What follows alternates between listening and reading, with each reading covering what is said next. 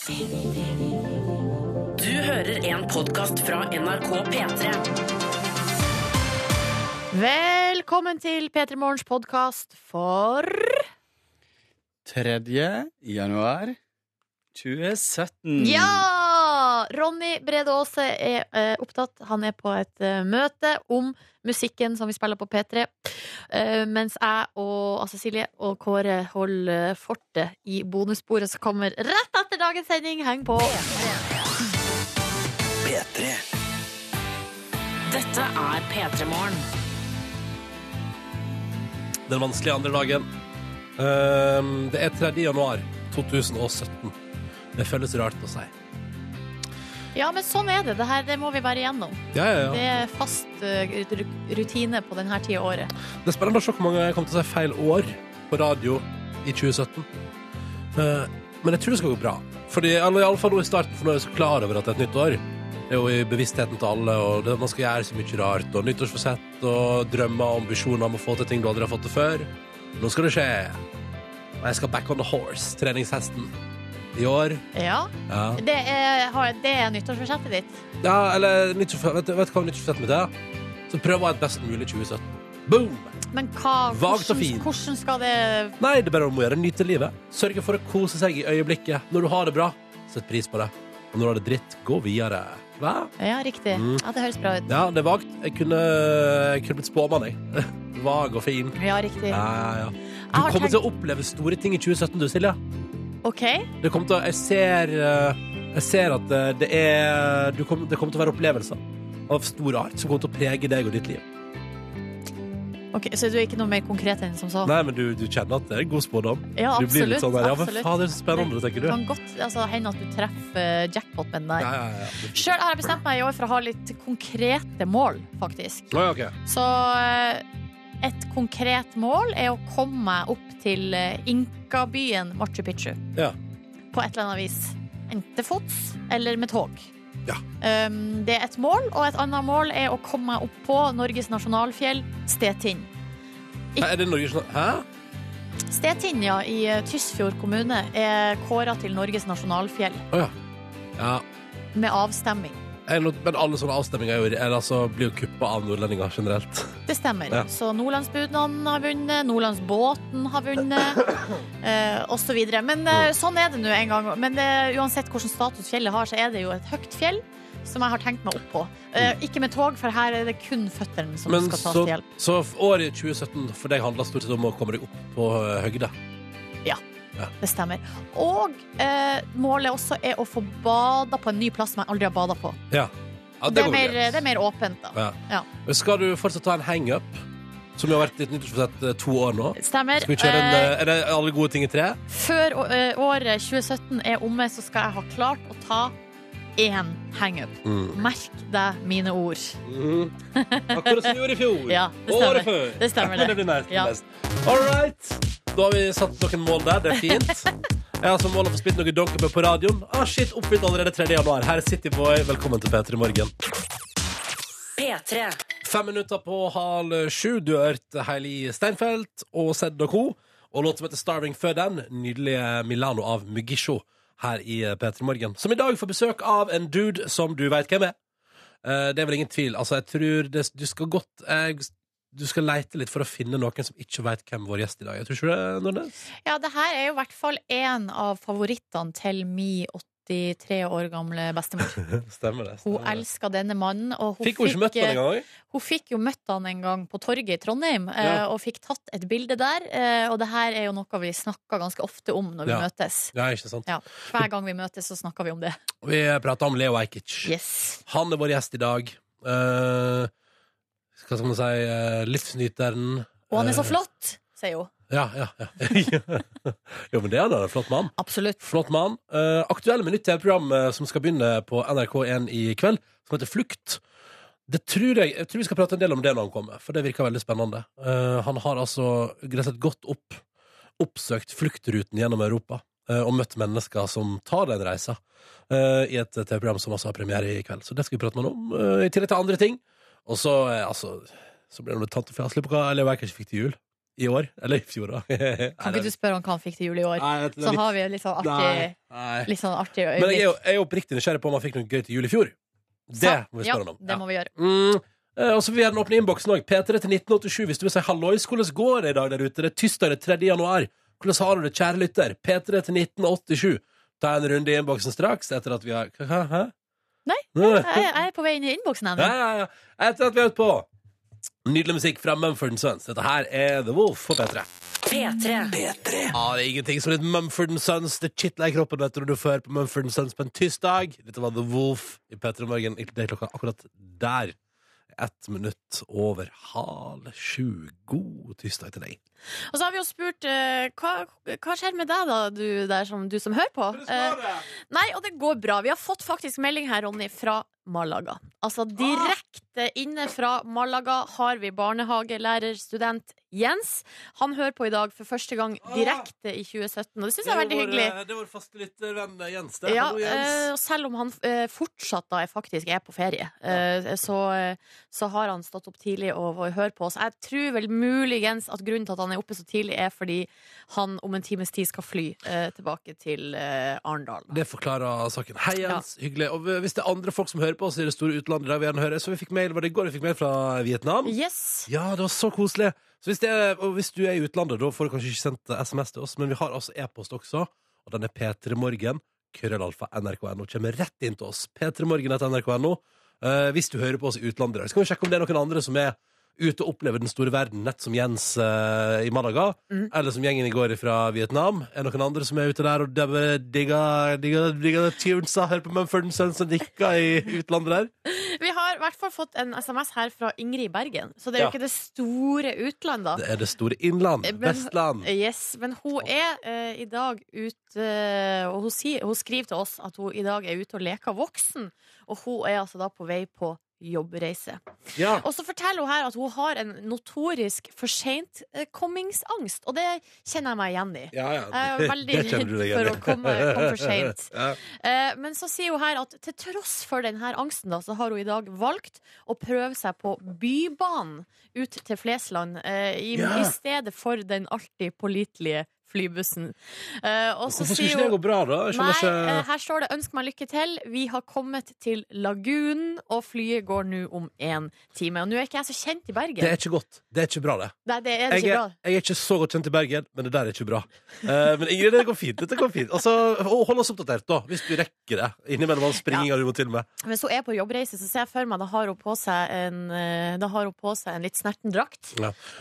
Ser også for meg at hun har sånn, at det er sånn full flex-billetter for å jeg jobben. Sånn at det er sånn der, det er sånn der, det er at, at, at den eneste i verden som bryr seg om at Ingrid er for sent ute flyet, det er Ingrid sjøl. ja, Alle andre er sånn der, eh, det driter vi i. Og så fast track, kanskje? Ja, kanskje det. Fast track, eh, og så håndbagasje. Altså kun håndbagasje. Og da, vet du, da ordner alt seg. Lykke til, Ingrid. Høre, vi må få høre hvordan det går, da. Ja, det må vi en få. time igjen. Det er halv åtte, det. Lykke til. Lykke til. Eh, På veien skal du få litt rolig musikk og kose deg med. Her er Christian Christensen. Dette var eh, Varme med Christian Christensen på NRK P3 i eh, P3 Morgen. Og vi sier god morgen til Steffen, som akkurat har våkna etter fire timers søvn, som skal kjøre 770 km alene i bil fra, hyt, eller fra Senja til ei hytte ved den finsk-russiske grensa. Eh, og det er meldt minus 40. Se der, ja. Eh, og da, vet du da velger jeg å være positiv og da sier jeg til deg, Steffen Kult, du skal, eh, i motsetning til resten av oss, få oppleve noe som minner om vinter. Og det er jo litt stas, da. Ja, men han, han, han tror jeg digger det. Han legger jo på en hashtag 'min type ferie'. ikke sant? Så han bare det, Han oppsøker vel det her helt frivillig. Hvis han ikke er Det er ironisk. vel eh, snø der, og kanskje, ja, som du sier, kanskje, der, kanskje det er der julestemninga eh, altså, det ligger, på en måte. Skal du ikke se eh, vekk ifra. Mm, vi har også fått eh, melding fra Bergljot, som sto opp seks i stedet for åtte i dag for å få gått en lang tur med hunden. Så da sier vi Oi. god morgen til både Bergljot og hund, og eh, lykke til og god dag. Og gratulerer med å være såpass sporty. Det tror jeg, det tror jeg hunden din er glad for. Ja, det tror jeg også. Eh, og så har vi en som heter Torbjørn Haugen. Han, eh, han har jo da oppsøkt en annen type ferie da, eh, enn minus 40, for han er i eh, Torrevieja i Spania.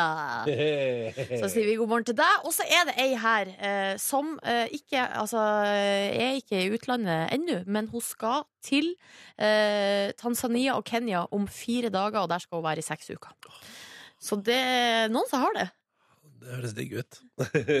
Det hørtes veldig digg ut. Kanskje dere skal til Zanzibar? ja, ja, ja. Det vil jeg Send, anbefale. eh, send bilde. P3 Morgen etter nrk.no. Vi se hvordan det er. Se om livet nytes. Ja, det gjelder vel alle som er ute på altså, I. Torre Vieja også. Ja, ja, ja. Jeg har jo lytterutsikt-albumet mitt, lenge siden jeg har oppdatert det nå. Uh, som ligger på Facebook-sida vår, der jeg legger ut bilder der uh, lyttere i utlandet har tatt bilde av sin utsikt akkurat nå mens man hører på.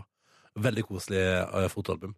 Så det, det er gjerne å bidra inn. Igjen P3 Morgen etter nrk.no, hvis det skulle være av interesse, da. Eh, bare å kjøre på. Bare å kjøre på! Skal da kjøre. Kjør på, kjør på. Mm. Ok, Snart skal vi ta en titt på avisforsidene. Se hva som skjer der. Uh, denne tirsdag 3. januar uh, handler om slanking.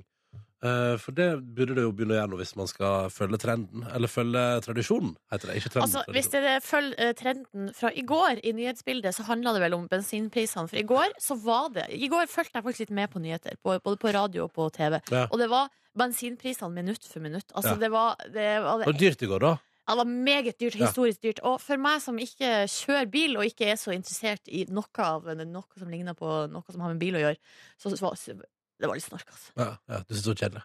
Ja, litt kjedelig. Ja, men det, det er lov, det. er lov det. Men, Men, eh, det er men det er veldig mange der ute som kjører bil, og som fyller det, altså når jeg så det bikka 1000 kroner for å fylle tanken. Huff, det er røft. Utvilsomt så var det Det var mange som var opptatt av det i går.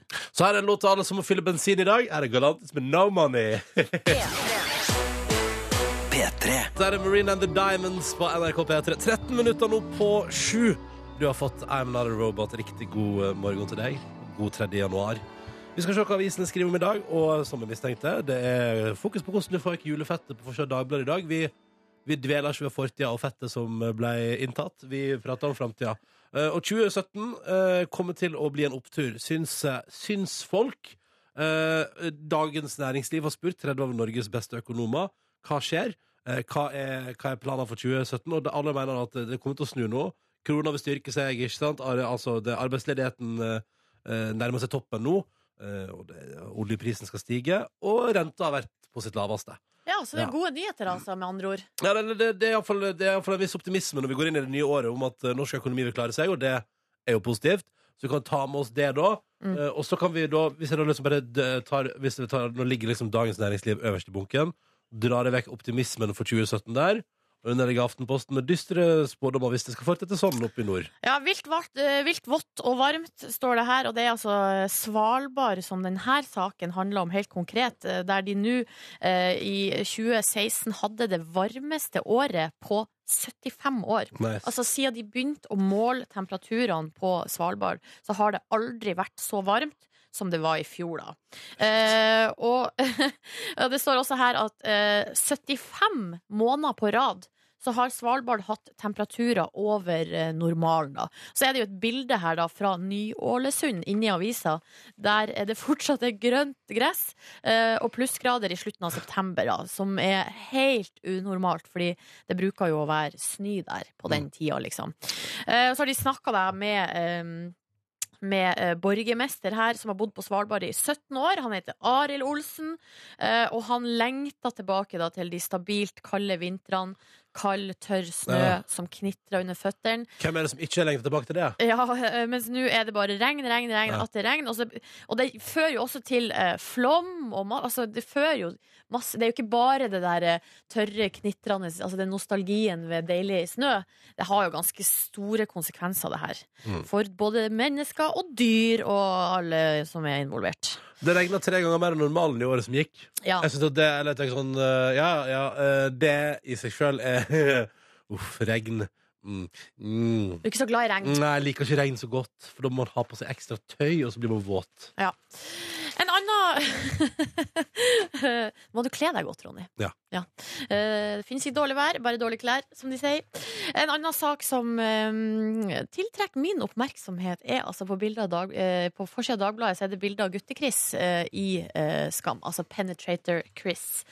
Her står det altså 'Ut av skam?' spørsmålstegn. Og så har de tatt det bildet av eh, Gutte-Chris der han har blå blåøye og litt sånn Jeg tror det blir banka opp der. ja, av, eh, Yakuza-guttene våre på banen, ikke sant? ikke sant? Og det som, eh, det som har skjedd, skjønner du, er at mora til uh, han her, eh, Herman Tømmerås, som spiller Penetrator Chris, hun har lagt ut på Instagram et bilde der hun sender altså sønnen sin i militæret. Ja.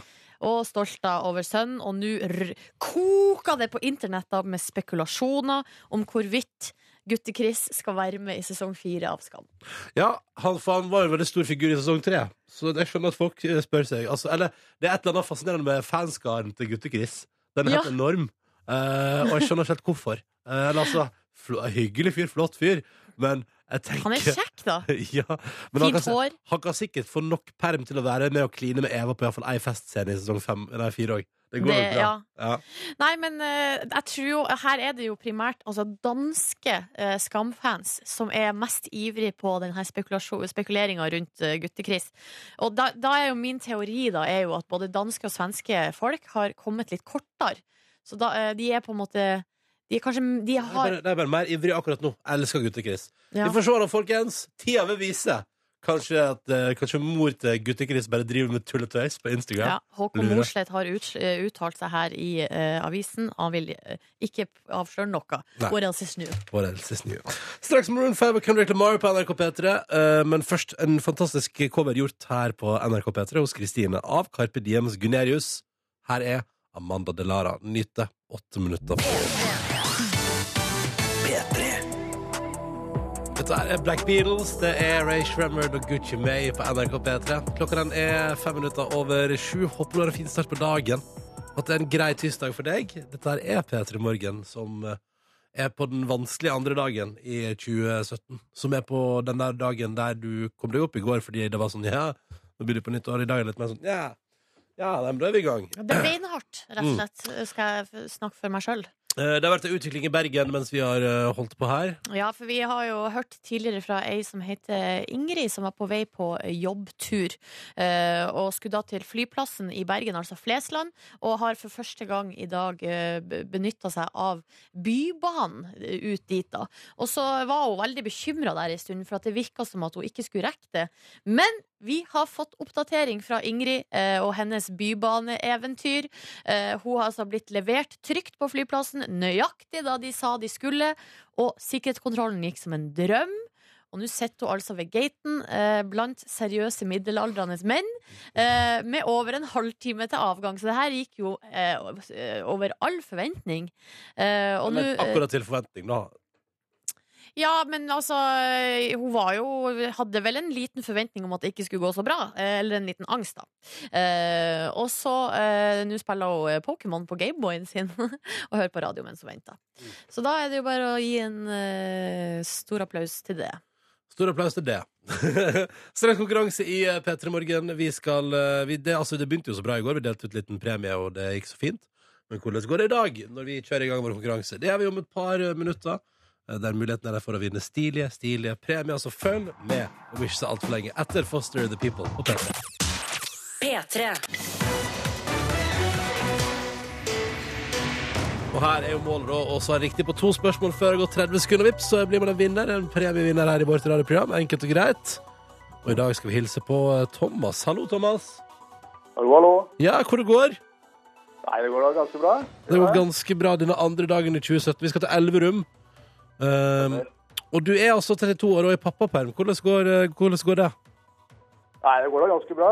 Ja. Det er jo eh, litt, litt hardere enn jeg trodde, men eh, nei, det går ganske bra. Altså. På hvilken måte er det hardere enn du trodde? Nei, det med søvn og sånn, det, det tar litt på, altså. Ja, det blir lite det. søvn. Ja, gjør det. Hadde du sett for deg at det skulle bli en slags ferie? Hva sa du? Hadde du sett for deg at det skulle bli en slags ferie for deg, dette her? Nei, ikke ferie, men jeg hadde kanskje trodd at det skulle bli liksom litt mer avslappet, men eh, Ja. nei, det, det ble litt overraskende her, altså. Men hvordan eh, tilbringer du dagene da, du og den lille? Nei, vi eh, må jo opp ganske tidlig, altså. Han er opp sånn ca. i fire-fem-draget hver morgen. Så blir det litt soving. Eh, og det er mye mat, selvfølgelig. Ellers så er vi som regel bare inne, og så er det kanskje en liten gåtur eh, på ettermiddagen. Ja, det høres jo litt koselig ut der, da. Men eh, det er en skikkelig morgenfugl du har fått deg der. Ja, det har vært litt sånn tidlig oppe nå, i hvert fall nå i siste, altså. Kanskje når jeg tok over at han begynte med. Ja, det er perfekt timing, da. Eh, men nå har du, du, har- du, har, du har kontroll på han nå, så du kan være med i vår konkurranse uten å måtte stresse? Ja da, mammaen er her ennå. Ikke sant? Du skal få muligheten til å vinne litt premie hos oss nå. Eh, Du får spørsmål i vår konkurranse, og så skal du svare riktig på to før det går 30 sekunder. Og så er det jo sånn som alltid at du kan velge mellom å få spørsmål fra meg eller hos Silje Nordnes. Hvis du velger meg i dag, så eh, skal vi se på eh, Det blir spørsmål knytta til TV-serier som er på Filmpolitiets liste over de beste TV-seriene i 2016. Se der, ja. Eh, Jeg òg ser litt tilbake i min kategori, for det er rett og slett 2016 som er kategorien. Ting som skjedde i 2016. Ja, da tror jeg går for 2016. Altså. Du tar den åpne kategorien 2016! Gratulerer, Thomas. Da kjører vi, og vi begynner nå. Netcom skifta navn. Hva er det nye navnet? Delia. Det er riktig! Hvilken norsk avis var det som brakte oss nyheten om Panama Papers? Dagbladet. Det var Aftenposten. Hvor ble sommer-OL arrangert? Rio de Janeiro. Ja da! Ja, det var ikke verre enn det. Det var ikke verre enn det. Veldig bra. Gratulerer. Jeg er helt enig. Veldig bra, Thomas. Veldig bra levert. Det betyr at du nå selvfølgelig eh, har klart det og skal få lov til å velge deg en premie. Og da er det jo sånn i konkurransen vår at både jeg og Silje stiller også med hver vår premie i konkurransen. Hva tenker du her da, mister? Nei, vi gønner på med Silje her, da. vi. Ja, hvorfor ikke? Og da, Thomas, kan jeg avsløre at du har vunnet ei P3 Morgen tåteflaske! Nei, jeg bare tulla, for det har vi ikke. Du får et P3 kaffekrus, Thomas, så det blir til deg, ikke til eh, din lille sønn. Ja, men så bra. Han kan arve det på sikt, da. Det er sant. Ja. Det er rett og slett arvegods. Da må du ta godt vare på det, Thomas. Jeg lover. Ja, så bra. Bra. Gratulerer så mye. Et krus kom i posten. Takk for at du var med, Thomas, og ha en nydelig dag og et nydelig liv videre i perm. Takk i like måte. Ha det bra. Ha det! Ha det bra. Så enkelt kan det gjøres. Så enkelt kan man få til to seire på rad. Spørsmålet tar vi en hat trick i morgen. Ja, du kan være med, du, da. Ja, og nummeret du ringer inn for å melde deg på, det er 03512. 03512 der, altså. Eh, Og linja, ja, den er åpen akkurat nå. Dette er NRK P3. Kvart over sju. Snart spiller vi deilig musikk til deg ifra Bastille. Off. Først nå, her er Lemetere og deres Playing to Loose. P3. Dette er Bastille på NRK P3. Send dem off ni minutter på halv åtte. God tirsdag. Det er 3. januar 2017, altså. Og 1. januar så kom det en ny lov i Frankrike som jeg nå leser om på E24. Denne her eh, kom jeg over i går kveld. Eh, Og her står det fra og med 1. januar kan franskmenn med loven i hånd nekte å svare på arbeidsrelaterte e-poster på fritida. Ja. Eh, Det kalles, loven kalles altså retten til å være frakobla. Eh, og det er altså eh, rett og slett det at det skal være slutt på ulønna overtid, og, og at da kan jo liksom det å svare på e-post utenfor arbeidstid, arbeidsrelatert e-post, da, altså rett og slett regnes som overtid, da. Hva tenker du, hva synes du umiddelbart? Nø, det tenker jeg eh, Jeg tenker jo at det er på sin plass på et vis. Eller altså, det må være Jeg er helt enig, det må være lov. Ja. Eh, og ikke svare på mail. Altså, det er jo eh, Man er jo på jobb 24 timer i døgnet hvis man driver og svarer på mail. Men eh, jeg, var, jeg praktiserte det i går. Svarte, jeg var bare avkobla hele ettermiddagen. Det var utrolig deilig. Ja. Ja, ja, Mega-nice. Men så tok du deg en tur på kontoret på kveldstid? Hæ? Altså i overført betydning? Altså inni inn i nei, e-posten? nei, nei, nei, nei, nei, det var ikke på e-post. Så, Nei, ok. det, så det var helt eh, konge, det. Å Eh, ja, jeg deilig trodde du mente at du Å ja, ja riktig. Ja, ja. Eh, ja, fordi det her, eh, grunnen til at de gjør det, da, er at franske myndigheter nå har eh, satt inn en offensiv mot eh, stress og eh, altså, f- f- eh, utbrenthet. Da. Så det er jo det som er bakgrunnen. Veldig 2017. Ja, det er det, er det ikke det? Jo. For jeg tenker Eller jo det, sånn jeg, det jeg, vet jeg ingenting om hva som er veldig 2017 ennå, men veldig 2016 iallfall. Å snakke om stress og utbrenthet? Ja, ja. Nei, for det er et eller annet med at jeg òg er jo helt enig i at selvfølgelig skal uh, det, altså, det, det burde på en måte ikke forventes etter arbeidstid at man skal svare på e-post, men samtidig er det sånn Er det så alvorlig at vi trenger en lov mot det? På en måte, hvis du skjønner? Fordi noen ganger så, så er det jo ting som man må svare på, og eh, Jo, men er ikke, er ikke, sånn som jeg forstår det nå, så er jo loven at, eh, at eh, det er helt greit at du lar være. Ja. Altså ikke sant at Loven er for deg som ønsker å la være. Så kan de som vil svare på e-post, så kan de som vil la være, og så trenger de ikke ha dårlig samvittighet for det. ja, riktig. Ikke sant? Men eh, jeg vil jo fortsatt fortsette å svare på mails på fritida hvis jeg vil det. Ja, for jeg tror jo det, det, som jeg, det som jeg er redd for med en sånn her type greie, er jo at eh, for sjefer, da, så vil man jo fortsatt legge merke til hvem som på frivillig basis svarer på e-post. Og Mm. de eh, kan jeg se for meg vil få eh, noen form for belønning. Kanskje ikke sånn i, opplest og vedtatt, men goodwill fra sjefen. Ja, det kan Fordi- fort hende. Selvfølgelig. Ja, og da er vi jo like langt. Nja, ja, men du kan jeg i hvert fall ikke, jeg ikke klage på han som lot være. Nei, du kan ikke få sparken, nei. Nei. Eh, men uh, jeg vet ikke. Nei, men at du alltid er litt At det er sånn, ja, han svarer aldri på mails. Men han har navnet sitt, han, så det går bra. Nei, tanken er god, da, tenker jeg. Ja, ja. Tanken er god, Men jeg er usikker på om det her eh, kommer til å hjelpe mot stress og utbrenthet. Jeg håper Frankrike tar en evaluering til sommeren, så skal vi finne ut hvordan dette har fungert. Jeg gleder meg til det. Klokka er seks minutter på uh, halv åtte, og her er fantastisk låt fra The Weekend og Daft Punk på NRK P3. I Feel It Coming. God morgen. Tell me what you really like. P3. God morgen, da er det P3 Morgen. Silje og Ronny her, og så er det sånn at Markus er på uh, Australia-turné. Eh, så da har vi fått en vikar. God morgen, Daniel. God morgen, god morgen. Uh, jeg kjenner ikke deg så godt, fordi du har vært vikar en gang før, og det var for meg. Ja. Eh, nå er du vikar for Markus. Velkommen. Tusen hjertelig takk. Solstrålen fra Hokksund. Ja, jeg sitter jo bare og smiler, for det er jo så koselig å være her. Ja, men det er bra, det er bra du syns. Og gøy Eh, å jobbe med deg òg, Ronny. Det er, det er jo første gang. Kan ikke du for meg og eventuelt andre som ikke kjenner deg så godt, kjapp presentasjon. Du er fra Hokksund. Hvor gammel er du? Jeg er 24 år fra Hokksund, har bodd i Bergen, er nå hjemme for å jobbe her sammen med dere. Ja, for du, eh, din faste adresse er i Bergen fortsatt. Det stemmer. Ja. Det stemmer.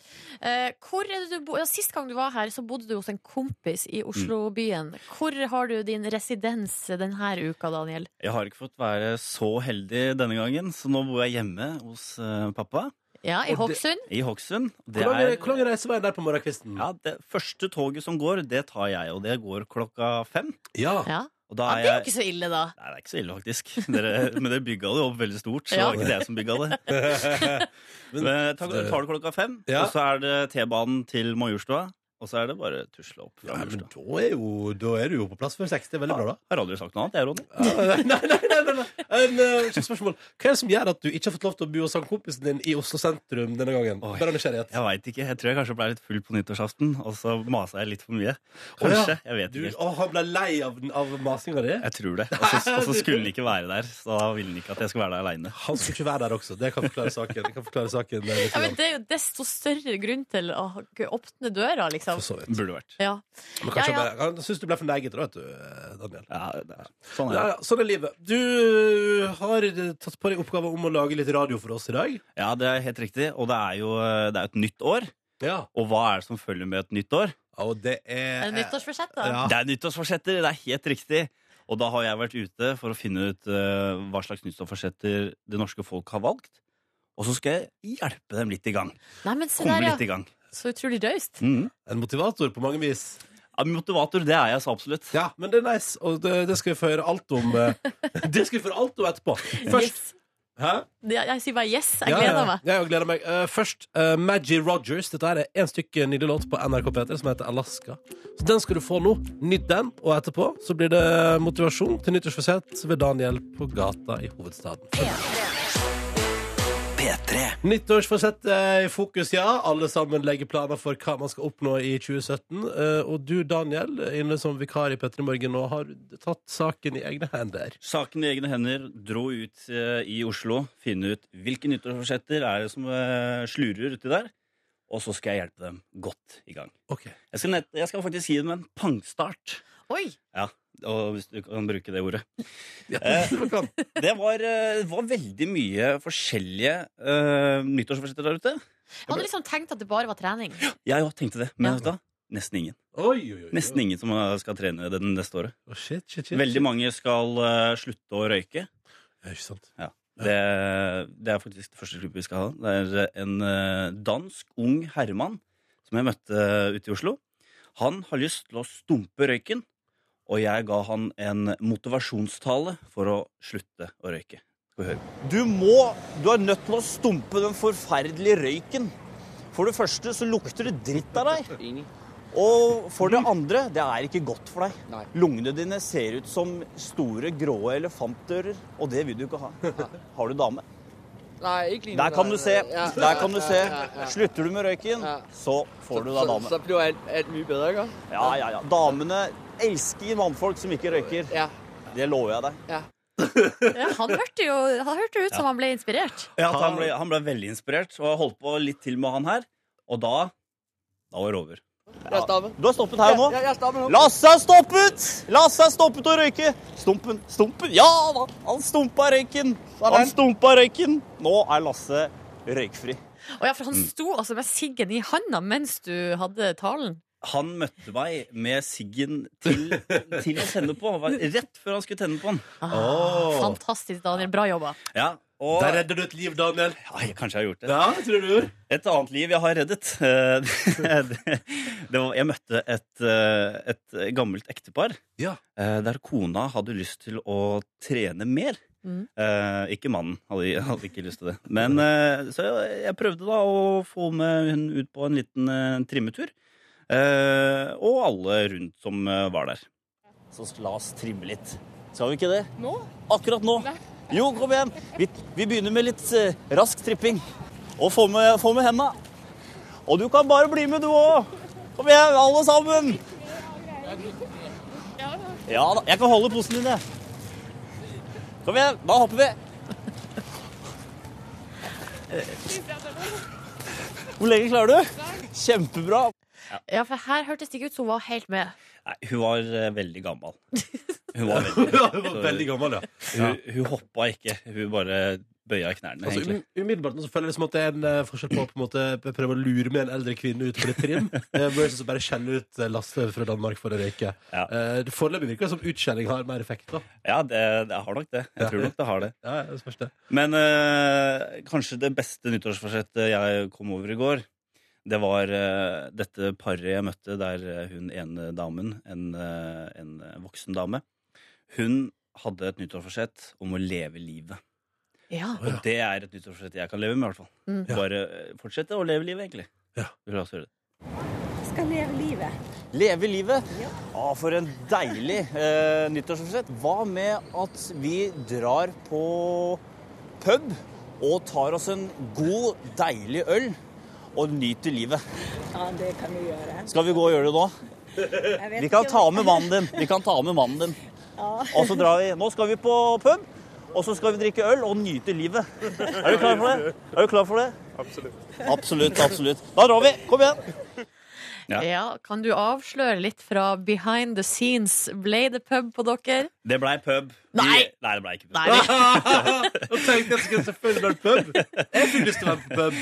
Ja, men Kanskje vi kan ta en senere i kveld, Ja, vi tar, vet du, vi tar en tur på pub og lever livet. Ja, det er viktig, det. Ja, det, det er det beste nyttårsforsett som finnes. Det. Jeg er helt enig i det. Men jeg liker, det jeg liker her, er jo at eh, ditt budskap er jo at man skal gripe tyren, eh, tyren ved hornene. Altså, Ja. ikke bare si at altså, man, må bare, altså, man må ikke bare si hva man har nyttårsforsett. gå Man må ut og gjøre det. med en gang. Ja. Ja. Med en gang. Ja. Um, tusen takk for at du brakte ditt eh, nyttårsforsett-orienterte motivasjon inn i livet vårt eh, i dag, eh, Daniel. Det er bare hyggelig. Vi høres i morgen, da. Det gjør vi. Jeg ser jeg har fått litt, eh, jeg har fått litt lett um, Har du fått eh, kritikk? Ja. Uh, Gisle lurer på hvorfor jeg driver og sier at det er den andre dagen i 2017, når det egentlig er den tredje. Uh, og da, Gisle, vil jeg bare oppklare det, og beklage hvis du blir forvirra og tenker sånn Hæ, hva skjer? Uh, det er den andre liksom hverdagen, da. Ja. Fordi 1. januar der, da lå jeg langflat og strak ut på sofaen, nøt livet. Men i dag er jeg på en måte den andre dagen tilbake i virkeligheten, og det kan jeg bare si. Eh, det er i dag du kjenner at du er tilbake i virkeligheten. Da. Eh, I går var det sånn Nei, i går var, i går var eh, en slags unntaksdag. Der man på en måte på pur vilje eller er bare on top of things. Jeg, var, jeg, følte meg oppe ganske lenge i går, helt til krasjlandinga kom. Ja. på, I åtte-ni-tida på kvelden. Og da, den var altså så Det hard, den. Har har ikke kommet meg over den nå. Nei, bare kollapsa totalt. Eh, på sofaen, liksom. Ja. Eh, ikke, noe, ikke noe krise. Altså, det er jo fortsatt et eh, first world eh, problem. Ja. Men jeg kjente bare at det, det var røft, liksom. Mm. Eh, sånn kan det gå. Uh, og, da, uh, og, det er, og i dag blir det verre, tror jeg. Uh, for min del, iallfall. Uh, har jeg en sterk følelse av denne litt sånn røffe andre dagen. Vi kan sitte her og klage på det, selvfølgelig, og så blir jo det bare Altså, det er jo bare piss når alt kommer til alt i det store og hele. Grunnen til at jeg sier det, er fordi at vår gjest i dag eh, har premiere på et program på NRK1 i kveld, der han følger Altså er ute og oppsøker fluktrutene gjennom Europa som rekordmange mennesker Eh, ikke siden andre verdenskrig har så mange vært på flukt i verden. Vi prater om over 60 millioner mennesker. Og Leo Ajkic har altså vært ute og møtt dem. Sett virkeligheten og hvordan det er når du har andre ting å tenke på enn at du har sovet litt for lite før andre er på jobb i 2017. Og i premiereprogrammet som kommer i kveld, så er han med en syrisk familie inn på det. Altså, det, snakkes jo Det her intervjuet som norske myndigheter har eh, for de kvoteflyktningene, har det vært ganske mye snakk om. Eh, og i eh, dagens program så får man altså se Man får være med på det intervjuet. Og jeg er nysgjerrig på hvordan det var for Leo å være, på en måte, være sammen med den familien i en sånn utrolig Hva skal jeg si For dem helt sånn skjebnesvangert øyeblikk. Leo Ajkic er vår gjest om noen minutter på P3. Før det skal du få nyheter, og før det en Anisa og Snakeips på morgenkvisten. Litt deilig uptempo-musikk på en tirsdag for å få deg i gang her nå, fire på åtte. P3. Eh, og god morgen og velkommen til deg, Leo Ajkic. God morgen, god morgen. Tusen takk for uh, invitasjonen. Selvfølgelig. Ja, og stor respekt i dere. Dere står opp så tidlig og Er dette, er dette litt Ja. tidlig Tusen takk for det, Leo. Er dette litt tidlig for deg? Eh, Ja, det er jo det. Jeg sto jo ikke opp nå. Jeg pleier å stå opp sånn en halvtime, time før jeg skal på jobb, men i dag måtte jeg stå opp litt ekstra før. Ja. Litt ekstra, for jeg måtte pakke noen ting, for jeg skal til Bergen om noen timer. Man skal til Bergen. Hva skjer der? Hva skjer der? Jeg skal ha premierefest. Oh! Men det er sånn lukket. Det er ikke sånn premierefest med rød løper og kom media. Det er vel ikke Altså, det er hemmelig sted. Det er kun for de som har jobbet med prosjektet. Vi har jobbet med det lenge, og vi skal se på det sammen. Ok, ja, for det er jo TV-serien eh, Flukt som har premiere på NRK1 halv ti i kveld.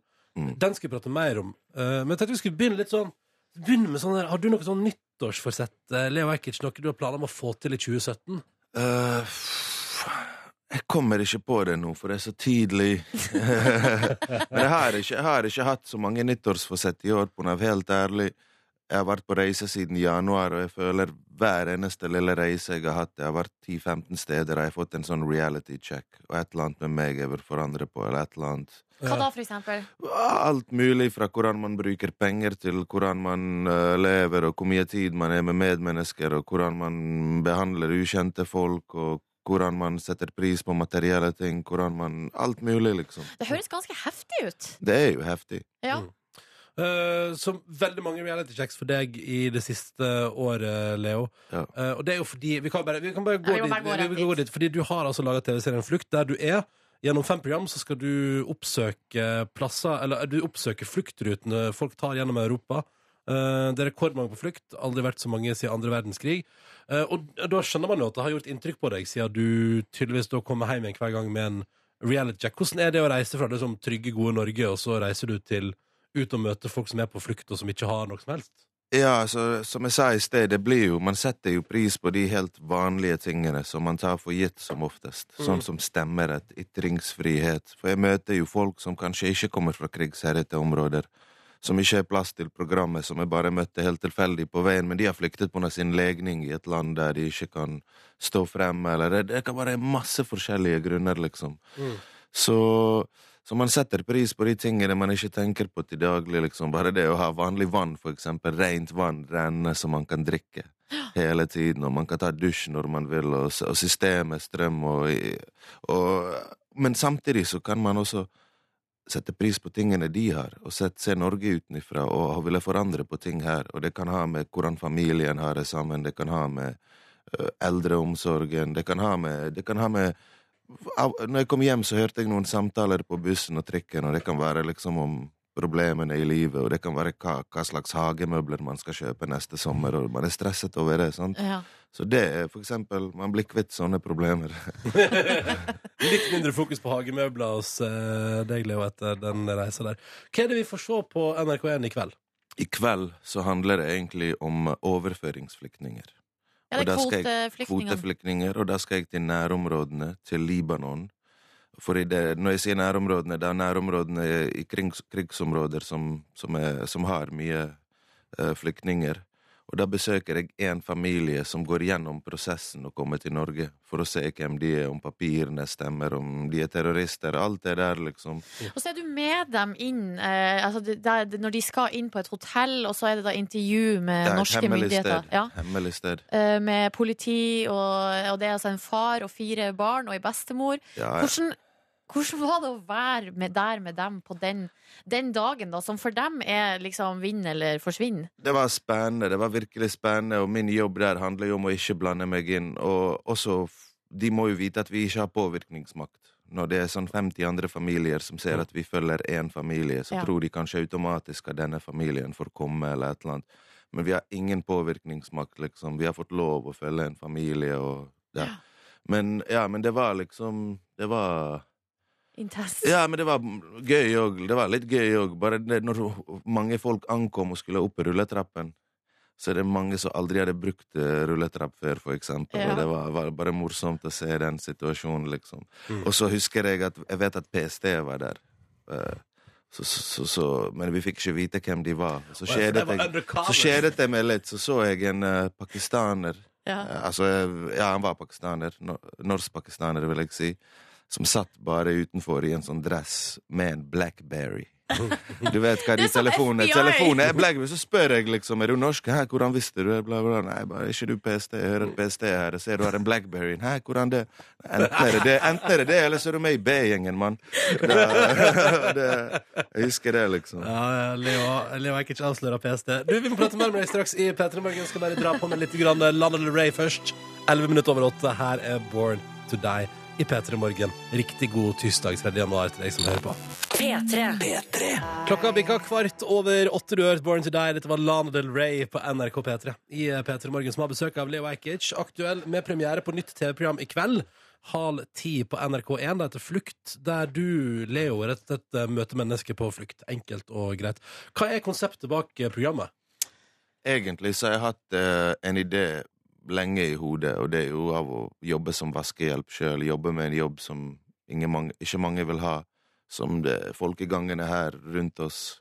Og det er liksom Det er ikke noe gale med den jobben, det er greit, men jeg tenker liksom Vet du hva folk har gjort for å ta den jobben som du ikke vil ha sjøl? Det er egentlig der ideen kom fra. Mm. Mange er sur på folk og tror at det er lykkejegere og sånn og sånn og sier visse ting, men ofte så vil folk bare ha seg en vanlig jobb og overleve og ha kanskje det som du har tatt for gitt, kanskje. Jeg vet ikke. Mm. Og jeg vet det ut ifra mitt ståsted. Ut ifra når jeg kom til Norge, så var det mye negativitet, så var det mye sånn, men jeg vet at jeg ikke ville forlate hjemlandet mitt.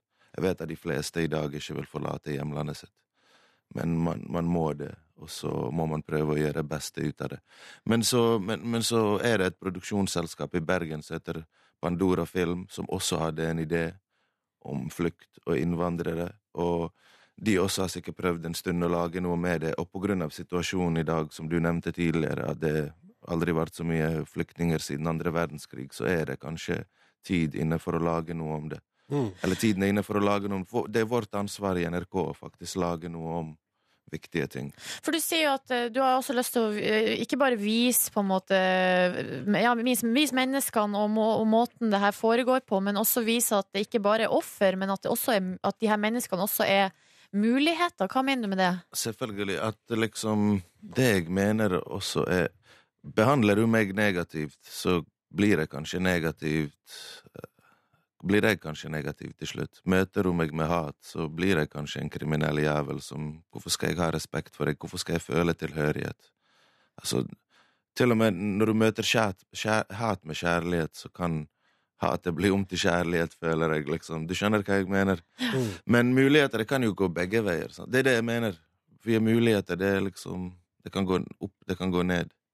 Og det Erna sa i nyttårstalen også. Eh, hvis du ser eh, hun somaliske bussjåføren, eh, første somaliske bussjåføren, kvinnelige bussjåføren i Oslo, så smilte hun, ikke vær sur, liksom. Mm. Det er jo eh, der det ligger. Men jeg lurer på, eh, Leo Men, eh, men jeg må jo bare si en ting. Jeg møter jo folk som er innvandrings, uh, mot innvandring Ja. i denne episoden, og har en episode dedikert til de og hører på de. For det er like viktig å høre på alle sammen. Alle, det, vi kan være enige om å være uenige. Men det, jeg er mer redd for frykten folk har inni seg som de ikke får snakket ut. Da blir de kvelt. Da, da kan det komme opp problemer. Enn at vi faktisk snakker om det. Hvordan skal jeg overbevise deg hvis ikke du Eller hvordan skal du overbevise meg hvis ikke vi har en debatt og et argument, og vi kan snakke åpent om ting? Mm. Så det å, det å kvele folk og ikke la de komme med meningene sine, det er det verste, liksom. Mm. Det vet jeg. Jeg kommer fra Balkan, der, eh, eh, der alt gikk til helvete, liksom. Mm. Um, vi får se programmet. Det begynner på NRK1 i kveld. Mm. eh, klokka halv ti. Det heter Flukt. Um, og det går i fem episoder de neste tirsdagene fremover. Mm. Um, Leo, vi tenkte vi skulle straks her i P3 Morgen bli litt bedre kjent med deg. Ja visst. Ja, Så vi skal, vi skal, grafte. Vi skal, forklare, vi skal forklare konseptet straks. Ja, jeg sitter her med kontoutskrifta di. Oh, hvordan har du fått tak i det? Ok, La meg bare spørre. Hvordan har du fått tak i det. Er det sånn at NRK har tilgang til alt? Er det litt sånn som Nav? Var- var ikke du Litt sånn som Nav. over det? Er hos oss, så har vi full kontroll. Vi har noe datasystem her, Leo. Vi må søke opp. NRK eier livet ditt. Okay. Eh, Det blir etter Mikael Paskele på NRK P3. Her er Witness når klokka nå er 19 over Klokka den er åtte minutter på halv ni. Leo Ajkic er på besøk hos oss eh, i kveld. 21.30 eh, har programmet Flukt premiere på NRK1. Og så kan du selvfølgelig også se det når du vil på NRKs TV-spiller på tv.nrk.no. Vi tenkte, Leo, eh, du har, du har sagt at du kunne tenke deg å bli litt bedre på regnskap i 2017. Ja. Ja, så da tenkte vi, det kan vi, vi kan, vi kan iallfall snoke litt i regnskapet ditt. Ja. Så vi, vi har fått kontoutskrifta di. Jeg skal se hva du bruker penger på. Men, men jeg forstår det sånn at du er ikke så Du er en kontant, du er en cash only-fyr, egentlig. Ja, egentlig så liker jeg kontanter, for jeg føler at uh, å, å dra kortet er ganske så upersonlig. Jeg vet ikke. Jeg jeg kan prøve å huske og alt sånn, men når du tar ut, la oss si 2000 kroner, så ser du pengene forsvinne.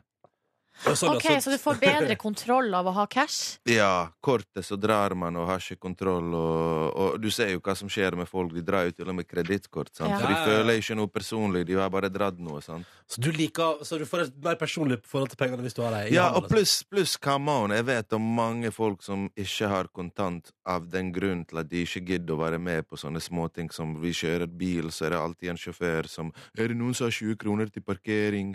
Er det noen som har forsøkt oh, ja. bompengene? Så, det, så tror du det er bevisst? Uh? Jeg har, lyst man, jeg har lyst til å gi til tiggeren, men kan du låne meg fem kroner? Eller bare Nei, bare ta det, det er ikke noe lån. Gi. Altså, du vet hva jeg mener? Det er noen folk som gjør det bevisst på den. Ja, jeg, skal, jeg kan vippse deg 183 kroner hvis du kan legge ut for meg.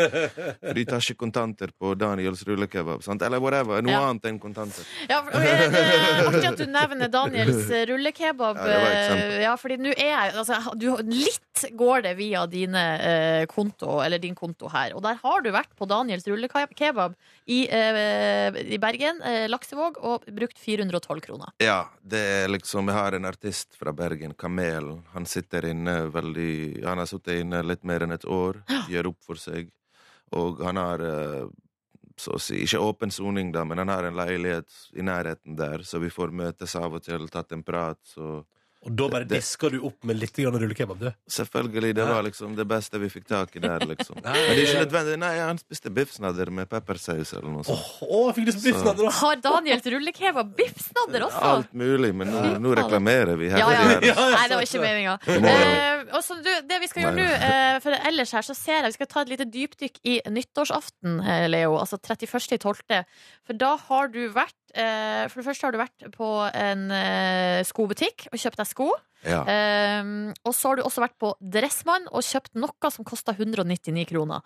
Eh, og da blir jeg nysgjerrig. Hva er det du har kjøpt? Jeg har kjøpt boksere. For jeg var i Bergen i sånn to uker og rakk ikke å vaske klær. Og så vasket jeg klær, rakk ikke å tørke, og så måtte jeg rett ned i Dressmann. Fet. Jeg hørte at de, de sponser Zlatan Ibrahimovic, eller samarbeid med han, så jeg begynte å bare kjøpe på Dressmann.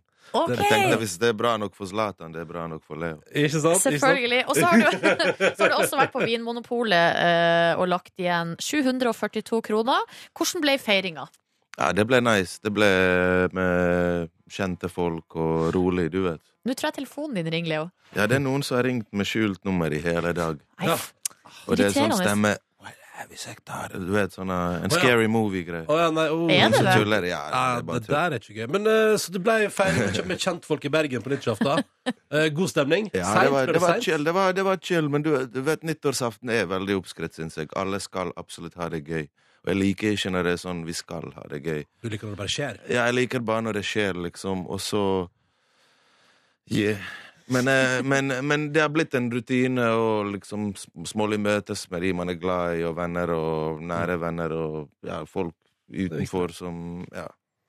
Utover det her, Leo, så er det egentlig det eneste jeg har hengt meg opp i. For det er jo ikke så mange transaksjoner her, men du har vært på Meny eh, butikk her eh, og brukt 666 kroner. Oi! Wow! OK! Det gjør jeg ofte. Gjør Det det? er en tvangstanke. Det, det gjør jeg ofte. Så hvis jeg har handlet i butikken, og det, så gjør jeg hoderegning mens jeg Ja, handler, en før jeg kommer til en kassen. Og så bare gjør jeg det alltid et rundt tall. Gratulerer, du landa på uh, godtallet der. Ja, det, det var bare tilfeldig. Ja. Det Eh, er djevelens jobb. Tusen takk for innsynet i din kontoutskrift. Jeg kan ikke føle at du er blitt bedre kjent med meg. Og så må jeg bare minne alle på å se, da. Eh, Flukt på NRK1 i kveld, halv ti. Eh, Takk for at du kom innom, og godt nyttår. Godt nyttår.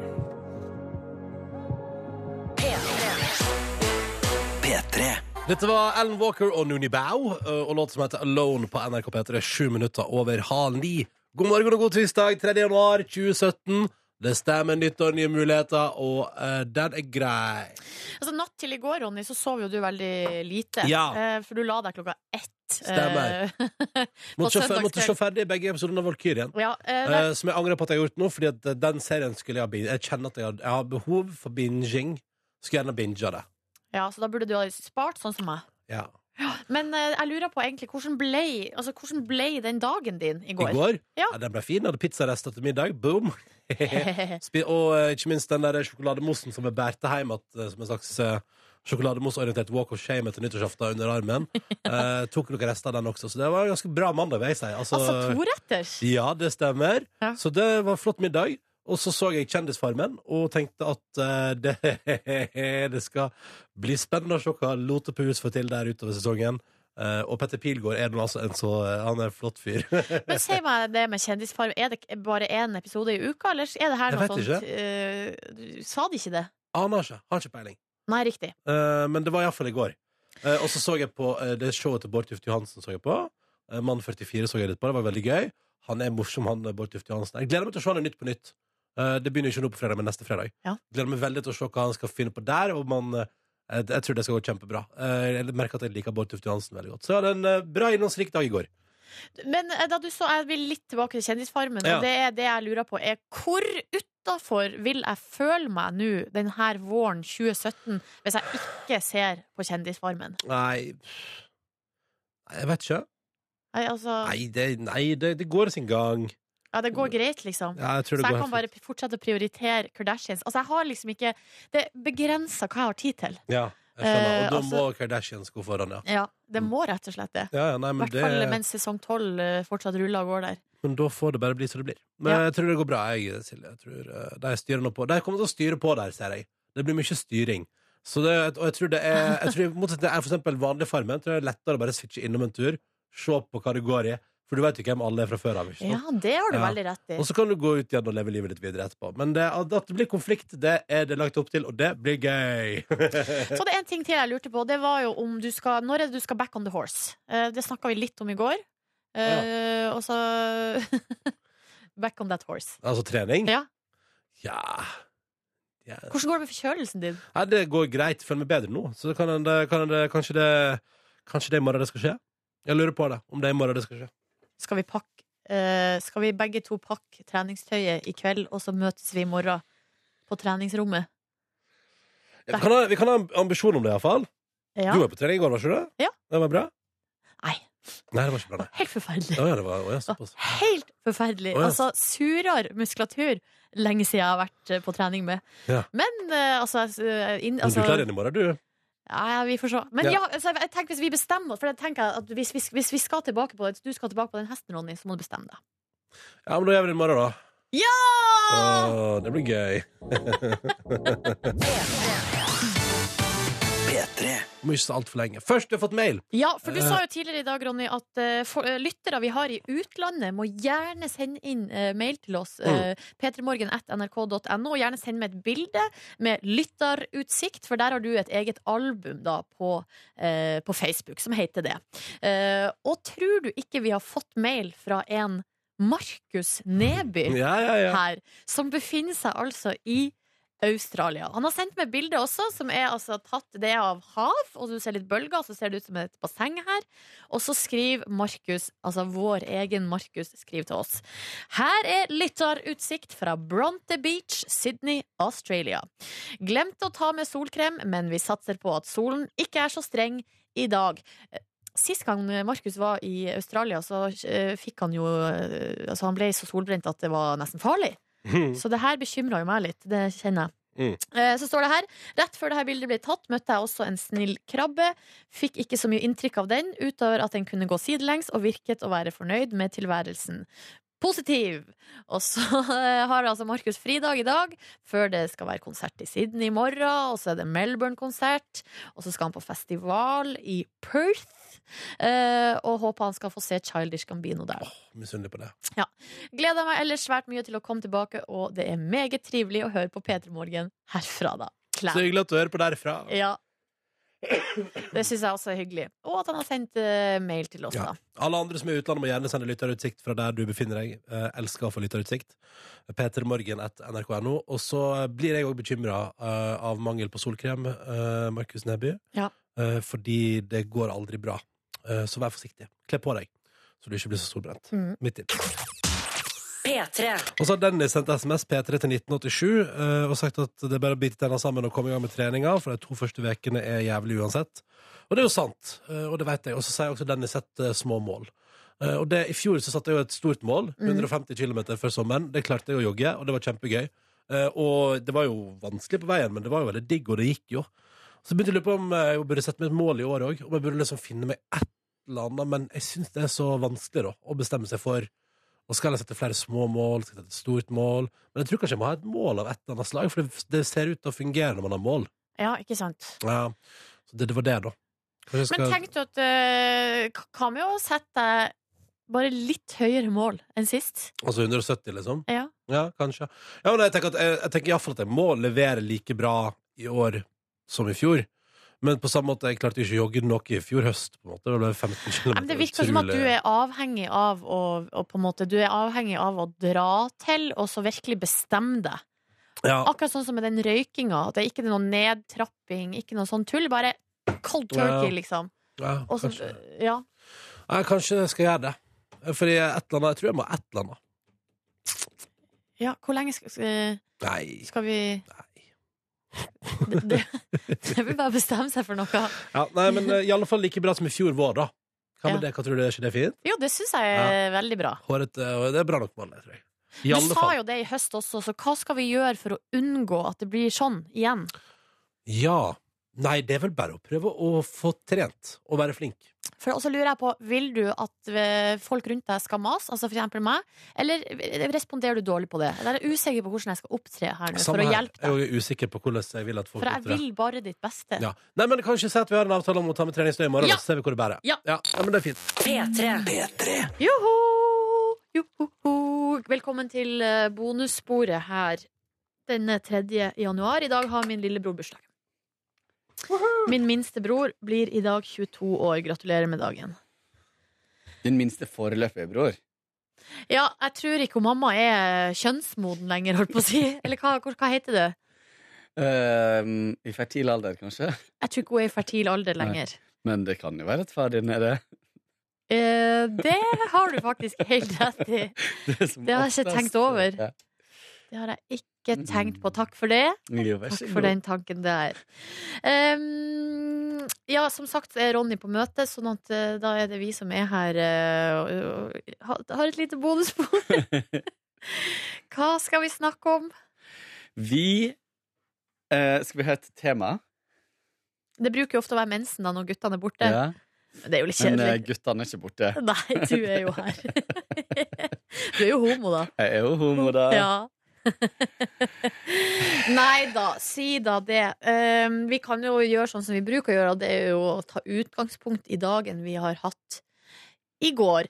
Nei, eh, nå vil jeg spørre deg. eh, hvordan, du, eh, du driver jo Snakka du mye om det salget av Skal vi ikke snakke om det? Salget av din legenhet? Um, nei, altså, det det er jo ikke noe Hemmelig. Det er jo ikke hemmelig. Du har kjøpt deg en ny leilighet, Jeg har kjøpt meg ny leilighet, ja. så det betyr at du må selge den du bor i nå. Ja. Så eh, jeg står midt i den prosessen nå. Derfor så sover ikke jeg på natta og tar uh, litt, uh, litt grann medi medikamenter til hjelp i natt. Var jeg så redd for ikke å sove? Nei, blanda litt uh, Blandingsmisbruk. Nei, jeg har noe sånn innsovningstablett. Nei, det er faktisk innsovningstablett. Og det mm, anbefaler ikke jeg å bruke ofte, Men jeg har et brett liggende, som jeg sikkert har hatt i to år. Ja. uh, og jeg, tror jeg har tatt liksom til sammen kanskje fire piller, og jeg tar en halv hvis jeg først Ja. bruker. Så det er ikke ofte jeg gjør det. Men jeg, mm, natt til i går så sov jeg så dårlig at jeg tenkte hvis jeg får ei natt til som er like dårlig, da er ikke jeg en tilregnelig person. uh, så da tenkte jeg at for alles del så tar jeg en halv uh, liten pille. Um, og da sovna jeg så i, natt, I går så sovna jeg etter ti minutter. Og så uh, sov jeg til klokka ringte i dag, og det er så sjeldent at det skjer. Og spesielt nå for tida fordi jeg Det ligger og kverner sånn, Det er bare sånne småting. Det er ikke store bekymringer.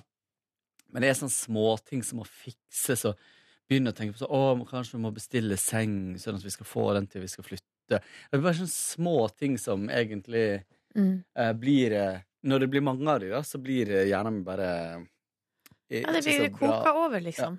Så i går så Så hjelper jo det å ta tak i ting, da. Da blir jo det mindre og mindre av det. Og holder, det jeg holder på med nå, er rett og slett å, å gjøre leiligheta klar til fotografering, som skal skje i morgen. Hvor fancy skal denne leiligheta bli? Altså, Nei. Hvor mye har du styla og holdt på? Jeg har, ikke, jeg har tilført veldig lite. Jeg har egentlig fjerna ting. Ja. Mer gjort den litt sånn renere og enklere og tatt bort Tar liksom bort alt av unødvendige sånne ting som ikke du må ha der, da, for å vise hvordan man skal bo. Har du tatt bort TV-en? Nei, det fikk jeg faktisk anbefalt å beholde. Av, eh, ja. Jeg har hatt en stylist der eh, som var på en måte det Har du betalt ekstra for stylist? Ja, det var inkludert i den pakka jeg kjøpte. Ja. Så det var litt sånn Og jeg var veldig glad for å gjøre det. Først så sa jeg til henne, vet du hva, helt ærlig For du var jo og styla min Ja, ikke sant? Så du er jo Eh, ja, som en ekspert. tips, ja, men jeg fikk noen tips som var veldig gode. Det var sånn liksom, Hvis du drar gulvteppet ditt bort sånn, inn, litt un, under sofaen din, Ja, så det lager du en, ja, så lager du en sone der som ikke går sammen med spisestua di. Det gjør at man ser at her er full sone for sofa, full sone for Ja. spi- Men Og det er jo ikke noe lureri ved det i det hele tatt, for det er virkelig stor nok plass der til begge deler. Ja. Det er bare at eh, teppet mitt stakk litt langt ut. Eh, hun ville at jeg skulle henge opp større ting på veggene. Uh, mente at jeg hadde for små ting til bildet. Til visning var det helt greit, men til bildet så sa hun at ville ha fylt opp uh, Hvis du først skal ha noe på veggene, så ville jeg hatt større ting, så man ser tydelig hva det er. Så der har jeg vært og kjøpt Der har jeg kjøpt et sånt Jeg la det ut på Instagram. Det er et sånt et kart. Et sånt gammelt skolekart. Du har faktisk kjøpt et bilde til eh, visning. Ja.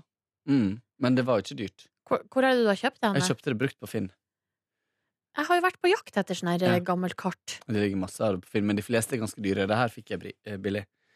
Um, Nei, det var jo kjempefint! Kåre, fader, det er jo akkurat sånn som jeg har vært ute etter. mm. Det her bildet har jo ikke jeg lagt uh, lika. Det har du lagt ut for fem dager siden. Jeg gir deg en like nå. Takk. Det var Um, veldig fint kart. Det er jo eh, altså Amerika ja, og er Sør-Amerika. Hva heter det? Sydlige hast- Den vestlige halvkule. Ja, ja, ja. Nei, det er fine sånne stenger øverst og nederst. Det er litt i største laget, syns jeg. Men så ble det veldig fint der. Fargene var fine. Superfint! Mm. Herregud, jeg har til og med liggende inne på Finn Så har jeg sånn her eh, varsling eh, når det kommer gamle skolekart.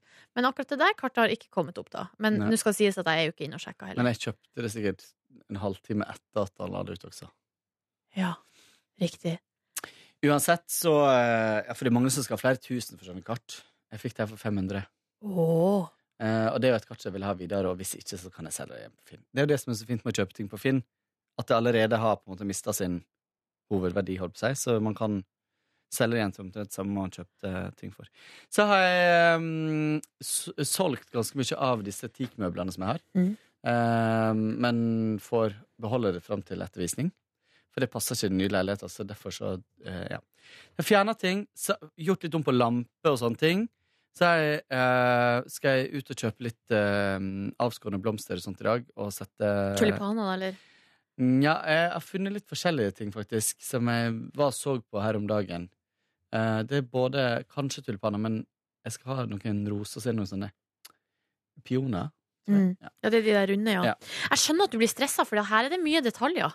Som du allerede har tenkt Jo, på, da. det er jo akkurat sånn som med, med deg. Du holdt jo på på akkurat samme måten. Jo, men jeg var jo mye Altså, jeg var jo mye mer bakpå. Altså sånn to dager Ja. før så hadde ikke jeg begynt å tenke på blomster ennå. Det var jo en Nei. Mm. grunn til at jeg hadde nervøst sammenbrudd over tulipaner samme dagen som fotograferinga skulle skje. Ja, det vil jeg unngå. Så um, jeg skal hjem i dag, så skal jeg vaske vinduet. Det er ikke gjort. Uh, det er fort gjort. Jeg vasker de på kjøkkenet, men ikke ellers. Så skal jeg um, Så har jeg gjort om litt på soverommet. Jeg har tatt ut nesten alle møbler på soverommet. Jeg har senga, som er enormt stor. Det ser ut som et pornosoverom. Nei. ja, Nei, det- den senga er Ja, litt men du, stor. jeg flytta litt på den, fordi Jeg skjønner det. Fordi du, da du var der, så var det røde gardiner. Og det var rødt sengeteppe, tror jeg. Kanskje. Altså, jeg har vært hjemme hos en kollega her i P3, jeg skal ikke si hvem det var, men som hadde svart sengetøy. Ja. Altså svart, eh, både laken og alt var svart. Det syns jeg er litt porno. Å ja, ok. Nei, det kunne jeg hatt. I skinn. I plast. Ja. Uh, nei, jeg har snudd på senga, da. Så Ja. nå når du står på stua, så ser du på en måte bare fotenden av senga i stedet for å se rett på hele At det er sånn panoramautsikt. Så, uh, og så har jeg laga til en uh, laget til, uh, Jeg har sånn skrivebord og sånt. Der, så jeg- det er liksom en egen sone der, ja. Mhm. Um, så jeg hengte opp litt uh, bilder her og der, og fiksa og triksa. Det kommer, jo- altså det kommer til å være så fint i den leiligheta i morgen når de bildene skal tas, som det aldri har vært. Og jeg får helt noia når du sier det, da, fordi Ja, men det er jo hvis, sant. Ja, men hvis ikke jeg er fornøyd når jeg det, åh. Samme det. Jeg drev og Hva så du, hva du, Nei, men at du ikke var greia- fornøyd i den nye? Greia, ja, men greia er at i går så kom det ut en leilighet i samme område. Som jeg så på. Der, du alt bor, eller der var- du har kjøpt? Der jeg bor. Ja. Der jeg skal selge. Og så var det altså bare liksom hvitt og grått og veldig sånn sobert og enkelt og veldig sånn lett å se for seg OK, her kan hvem som helst bo. Hvem som helst kan trives. Bare, om du vil ha litt mer farger, så kan du bare male en vegg. Og så jeg på en måte på min egen leilighet, og så tenkte jeg sånn Her bor det en sirkusartist. Nei! Ja, men liksom grønn vegg og grå vegg og farger på veggen og tapet ja, nei, Jo, men farger for det første er jo nå så utrolig tilbake. Og det som du har gjort, er at du har tatt valget for de som skal flytte inn. Fordi, Ja. jo, og det mener jeg faktisk. Det tror jeg er sånn som folk kan være villige til å betale for. Mm. Fordi at uh, man hører masse snakk om at ja, nå er farger inn igjen. Men det å ta de valgene er dritvanskelig. Uh, du har allerede gjort det, og det ser dritbra ut. Altså, det- man, de kjøper jo en livsstil. det de kjøper De kjøper en drøm, kjære deg. de kjøper muligheten til å være, det, for, å være sånn tidlig ut, være først ute til å spise på alle de nye restaurantene. Være først ute på å være og danse, prøve de nye dansegulvene i byen. Mm. Uh, ja, det er det du kjøper. Ja. Uh, urban Nei, takk skal du ha. Jeg bare, er jo bare nervøs. Så det, men det Men det er jo helt naturlig. det går ikke. Det går sikkert Jeg, jo, sikkert jeg gleder meg aller mest Det er jo også det som stresser meg litt, er jo at jeg gleder meg sånn til å flytte inn i den eh, andre leiligheten. Ja. For jeg er veldig fornøyd. Uh, eh, Selv om ja, Eller jeg er veldig fornøyd. Hva, hadde du et men der? Nei, ja, det er jo det der eh, som graver meg litt, liksom, at jeg skal bo i en ganske ny leilighet fra 2009 i det området av by... altså, Det, er liksom Det er litt sånn generisk. Det er jo ikke sirkusartistbolig. Det er Nei. utrolig streit, faktisk. Mm, veldig streit. Ja. Og en veldig streit del av byen. Og jeg Eh, Men det blir nærme jobben, og det er, mm, og det er veldig praktisk der, og det er balkong Ja. Det er liksom alt jeg vil ha, egentlig, da. Bortsett fra utsikt, og at det er et loft. Et, og skeivt loft. Men det, mm, det, var, det var noe annet enn det Det var drømmen. Og så ble det Drømmen var det skeive loftet. Ja, egentlig. Og så fikk du sånn streit uh... Fjerde etasje, ja. Mm. Så um, det blir veldig bra. Ja, det Kjempebra. høres Jeg, tror det blir kjempebra. Her om dagen, det er Domino's pizza i samme, eh, i samme kvartalet. Som den nye. Og så her om dagen så bestilte vi Domino's pizza, bare for å teste det. Men opp til der vi bor nå, da. Ja. Og den var så god! Jeg kommer altså til å rulle på jobb. ja, men det var kjempegod pizza. Men du kommer til å gå til jobb hver dag, da?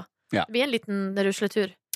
Her blir det åtte-ti minutter med Ja, det er bra. Det. Altså, enn- eh, da, hvis du går fram og tilbake, har du 20 minutter. Da har du bare 10 minutter igjen den dagen du må gå Og det kan jeg gjøre på stedet hvil.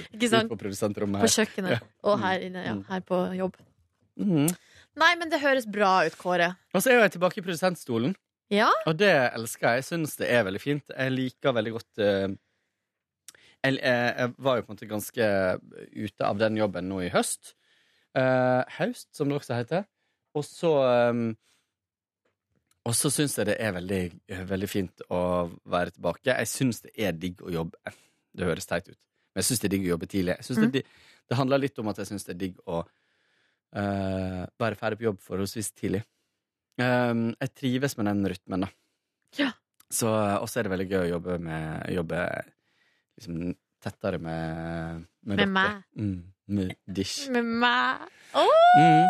Så sånn er det. Sånn er det. Sjøl så um, Hva var altså, Hvis vi skal dra, dra noen uh, Trekke noen uh, store linjer over gårsdagen Jeg var jo da Det som skjedde i går, var at jeg hadde med meg treningstøy på jobb. Og begynte altså så utrolig eh, Altså, i går morges det var lett å stå opp, var lett eh, til sinns, var på, optimistisk og glad. Eh, og så varte det helt til klokka var vel eh, kanskje kvart på tolv på formiddagen. Ja. Og så var det akkurat som at det bare derfra og så bare Da begynte jeg å liksom gå i sirup. Så det som skjedde, jeg hadde egentlig planer om å dra litt Dra når jeg var ferdig på jobb, altså halv to. Gå ned på treningsrommet her på NRK. Men så var det ting som gjorde at jeg ble sittende og sittende og sittende, og var ikke da på vei ned før klokka var tre. Mm. Og da hadde jeg allerede jeg hadde spist min lunsj nummer to, men var allerede sulten, Mm. på en måte. Så jeg har blitt sulten etter lunsj, blitt sulten én gang, spist en gang til, og så blitt sulten en gang til. Altså, ja, det, Kanskje du spiser for lite? jeg tror det. Jeg føler Det kan jo høres ut sånn hvis du, hvis du skal ha tre lunsjer eh, i løpet av en ganske god arbeidsdag. Men hvis jeg spiser til lunsj to brødskiver og et egg, det, kan, det er jo ikke for lite mat. Nei, men du, du kan ikke tenke på det som du, Hvis du blir så fort sulten igjen, så er jo det for lite. Men du, kanskje du skal ha på mer eh, Pålegg. Mer pålegg, mer mettende pålegg, liksom. Mm. Det kan hende. Du har rett i det. Men det som skal også få, kan kanskje få i deg mer kalorier per måltid. Det som også Mm. kan hende, Kåre, det er at jeg bare var utrolig utilpass. Og når jeg eh, føler ubehag av noe som helst slags art, så tenker jeg at det er sult. Mm. Nå må jeg ha mat. er Mm. liksom første eh, refleksen, instinktet. Mm. For det som skjedde, var at jeg eh, ignorerte den følelsen, gikk ned og trente, dro hjem. Altså det, fra da til jeg spiste, gikk det tre timer. Mm. Og det gikk helt fint, liksom. Mm. Så jeg var jo egentlig ikke sulten, jeg var bare tom, Ja. føltes det som. Tom på energi. Men dro nå hjem, og så lagde jeg bolognese, og så spiste vi en nydelig bolognese, og så så vi på Westworld og på Dagsrevyen og sånn. Eh, og så eh, plutselig så ble klokka liksom halv tolv-tolv. Og da bare følte jeg at denne, dag, denne dagen ble ikke sånn som jeg hadde tenkt. Og da, det jeg har tenkt litt på i dag, hvorfor jeg Da øh, hadde jeg skikkelig dårlig følelse da jeg skulle legge meg. Og da har jeg tenkt er at um, kanskje det, mine krav til den øh, 2. januar i går, de var litt for høye. Mm. Rett og slett. Mm. Det var umulig å innfri de kravene. Kunne ikke endre personlighet på én dag. Nei, men hadde, det er litt rart at du sier det, for jeg hadde litt samme følelsen i går. Ja. At dagen ikke ble sånn som den skulle. Jeg kom på Jeg var og handla mat, skulle lage middag. Så var jeg på eh, butikken og handla, og fikk nesten sånn sammenbrudd. Sånn Ja. Hive alt i lufta og springe ut, liksom. Ja. Ikke helt der, men, men at jeg var sånn Jeg klarte Jeg hadde kjøpt grilla kylling. Ja. Ferdig grilla kylling. Men klarte ikke å finne noe å ha til den. Ris. Ja, jeg tenkte på deg når jeg, når jeg sto og så på den grilla kyllingen. det var jo veldig likt hos Silje. Ja, takk. Nei, og men, men, eh, men på ris Men så, ah, um, så Så tenkte jeg sånn Nei, men da må jeg ha en saus. Nei, orker ikke. Soyasaus. Nei. Ja, okay. Jeg er Det er bare det jeg bruker. Ja. Ja, ja, det er helt greit, men jeg hadde ikke så lyst på det i går. Men eh, så kjøpte jeg faktisk sånn um, ferdig sånn pose med risotto Ja. med sopp, godt, og den var veldig god. Og så lagde jeg en salat til, og så ble alt bra. Og kjæresten min syntes det var veldig godt, men Oi, unnskyld. Men det er jo det, når jeg ser tilbake på gårsdagen Jeg trente, lagde middag fra bunnen av og uh, støvsuga gjorde jeg òg, og, øh, og så på Westworld og på Dagsrevyen. Hva mer kan jeg be om av en dag? Egentlig. Og var på jobb også i tillegg. Kanskje litt øh, fysisk hygge? Var det det som mangla? Hva mer kan du be om når du har støvsuga, sett på Westworld og Dagsrevyen? Og tror du ikke jeg hadde en liten kaffetår og en sjokoladebit Ja, til Dagsrevyen òg? Nei, jeg vet ikke. Jeg tror bare jeg, vet- det der, det, jeg blir altså ikke klok på det. Og det siste jeg tenkte før jeg sovna i går kveld, var Og da hadde, da hadde tankespinnet tatt meg liksom helt ned i på en måte avgrunnen. Eller da lå jeg og tenkte sånn Jeg må gjøre Altså, her, folk, folk dør i krig, og her, jeg må Oi, gjøre oi, Altså, jeg var der, oi, liksom. Det er sånn, må jeg, Nå må jeg slutte i jobben min og reise ut og eh, brette opp armene og bidra, liksom. Nei, det var Og det er jo eh, mange som eh, tenker det. De gjør det jo. Mm. Så det er jo ikke noe sånn uh, uvanlig tanke, på en måte, men Jeg var så lei meg. Ja. Ja. Nei da, men eh, så, så eh, jeg, tror, ja, det jo, jeg tror kanskje det er en sånn velkjent følelse, men det viktigste da er jo at vi ikke gir opp. Jo, men du, det kan også være en slags, et slags antiklimaks. Fordi det har vært jul, og man har hatt fri, og man har sett fram til jula lenge, og så er det nyttår. Eh, og så er, det bare, er man bare i gang med et nytt år, og så Hva nå, på en Hva måte? nå, liksom? Uh, og jeg er jo av den Vi snakka om det Jeg husker ikke om dere snakka om det på luft, eller om vi snakka om det i går. Men det her med liksom Du var litt sånn Jeg må slutte å si at 2016 var så kjipt år. Men for meg, rent personlig, så var det et ganske kjipt år. Ja. Uh, uh, og, og i tillegg så syns jeg det var i verden. Og da tenker jeg på sånn terror og de tinga der. Men også på at det er ganske mange det, ja, det er ganske mange store personligheter som har dødd, da. Ja. Som har betydd mer eller mindre mye for meg. Uh, og øh, den jeg faktisk syns var det, det var jeg overraska over, men den jeg faktisk syns var verst, var George Michael. Ja. Uh, og det handla om flere ting. Det handla om ehm, Det handla om at eh, noen av platene hans har betydd mye for meg. Jeg har hørt mye på det, spesielt liksom de De ehm, Den older-plata og sånt. Jeg har jo ikke noe forhold til Nei, han. nei, eh, kanskje egentlig bare den eh, I'll Never Gonna Dance. Guilty Pleasure. Yeah, nei, hva heter det? eh, Careless Whisper. ja. Den én guilty Pleasure. Careless. Eh, Careless pleasure. Men hva er det han sier i teksten der? For den har jeg relatert I'm never gonna dance again. Guilty feet are Ain't- got no rhythm. It's easy to run, you know I'm not a fool. Ja, for den har jeg relatert meg veldig til. Mm. Ja, fortsett. Eh, akkurat om de, Hva du har relatert til? Akkurat de beina uten rytme? Jeg skal prøve å finne hele teksten her.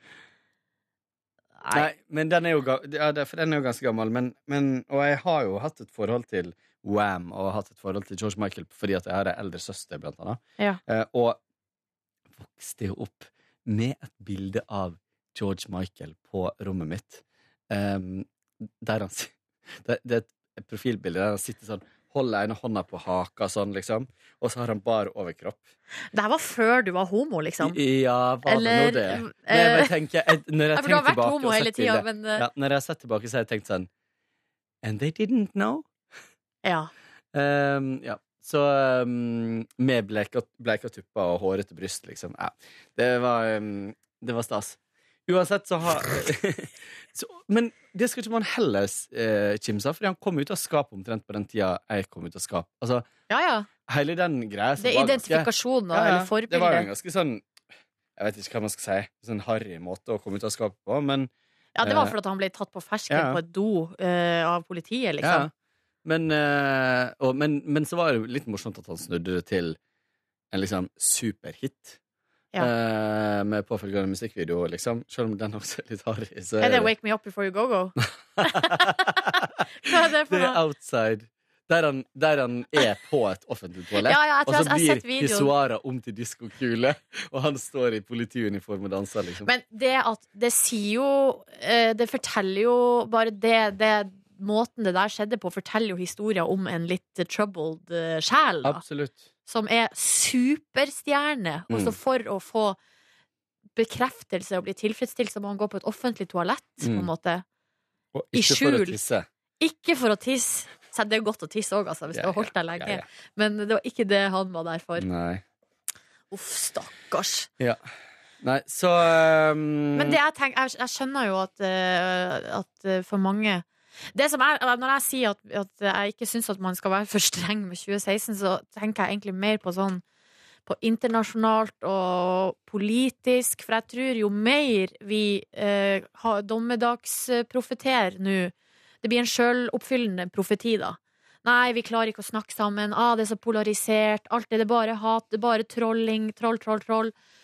Eh, jo mer vi snakker om det, eh, på en måte, jo mindre klarer vi på en måte å, å snu ting til noe Mm. positivt. Da, på en måte. mm, Og jeg er litt redd, jeg er redd for det. mm, Det er det jeg er redd for. mm. Eh, det, det mm. Jeg er ikke redd for Trump, liksom, men jeg er redd for de her eh, følelsene hos folk rundt omkring som gjør at en sånn person kan bli valgt. Og ikke fordi det er Trump, men, altså, og ikke, jeg er ikke redd for, ikke fordi det er Trump, men av de tingene han har sagt, og den Mm. retorikken han har brukt. Og at det er det folk har valgt Ja, inn for. det er hat, hat, hat, hat. Mm. Uh, og det bare Nei. Mm. Jeg, jeg, og det er derfor, og det kan kanskje oppfattes som naivt, da. Men det er derfor jeg mener at man må liksom bare prøve å smile seg inn i 2017. Det var det jeg prøvde på i går, da, og det gikk jo ikke. Nei, men hovedtemaet, eller hovedbudskapet mitt var egentlig at jeg håper veldig at 20, og tror at 2017 skal bli bedre. Ja. Eh, nå får nå vi se, da. Jeg tror ikke vi, vi må ikke legge så mye nei. press på Nei. 2017. Men rent personlig så håper jeg og tror ja, at det skal du, bli bedre. eh, du begynner jo her med en ny start. Ja. En ny leilighet, og det, altså, ny, altså ikke, Kjærligheten Mm. blomstrer, og Mm. Peonene blomstra, og alt det bare velstand.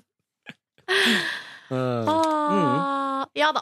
I dag skal jeg på kino og se på Star Wars Rogue Nation. Nice. Jeg skal se den på lørdag. Hvor skal du se den? Colosseum. Jeg har med meg en 3D-brille i veska. Oi. Klokka 5.30? 17.45. Bare møt opp. Ikke gjør det, jeg nekter å bli med på selfies. Men du gjør det for en, en, en boks popkorn? Ja, men den der duopacken, Ja. altså med popkorn og, og baconcrisp. Ja. Uh, nei, jeg skal se den på lørdag kveld. Og jeg gleder meg skikkelig. Skal også se den på Colosseum Ja. med 3D-briller. Stor uh, sal. Mm. Det som Jeg har jo også uh, Før helga så så jeg Nå eh, er ikke Ronny her, så nå kan vi snakke masse om Harry Potter. Eh, den der Fabeldyr og hvor de er å finne, så vi på fredagen. Den skulle jeg egentlig se eh, Den går fortsatt på kino, hvis du vil se Ja, den. men det det var helt umulig. Det, det var veldig rart. Det var to sofaer ledig. På fredagen? Uh, nei, uh, det var rett før nyttår. Ja, fredag. Ja. Og to sofaer ledig bakerst. Vi prøvde å booke de, vi var fire stykker som skulle gå. Det, det gikk ikke an å klikke på det, liksom. Jeg tror det var et eller annet rart, for da jeg sto og skulle få ut mine billetter, så sto det noen gutter foran meg og skulle ha billetter til den. Og så sier hun dama sånn Ja, det ser ut som det er ledig. Og så fikk hun ikke Nei, det var akkurat Fikk det som ikke booka de Så um, Men da hadde vi jo kunnet ha endt opp i samme sal, da, antageligvis. Mm. Det var helt koko bananas stemning på kinoen den dagen det var så mye folk. Mm. Men eh, um, kan jeg oppsummere den filmen eh, nå, og da vil jeg si at den var veldig bra. Lekker. Altså velspilt. Artig, liksom. Det er det magiske universet. Men, ikke, men i USA så var det litt sånn artig. Jeg syns det var artig å få litt innsikt i det magiske verden der. er Litt annerledes. Mm. de Du har litt- ikke visst det før? jeg, har på en måte, jeg visste jo at de hadde skole i, de har jo skole i Bulgaria, eh, nei, Romania.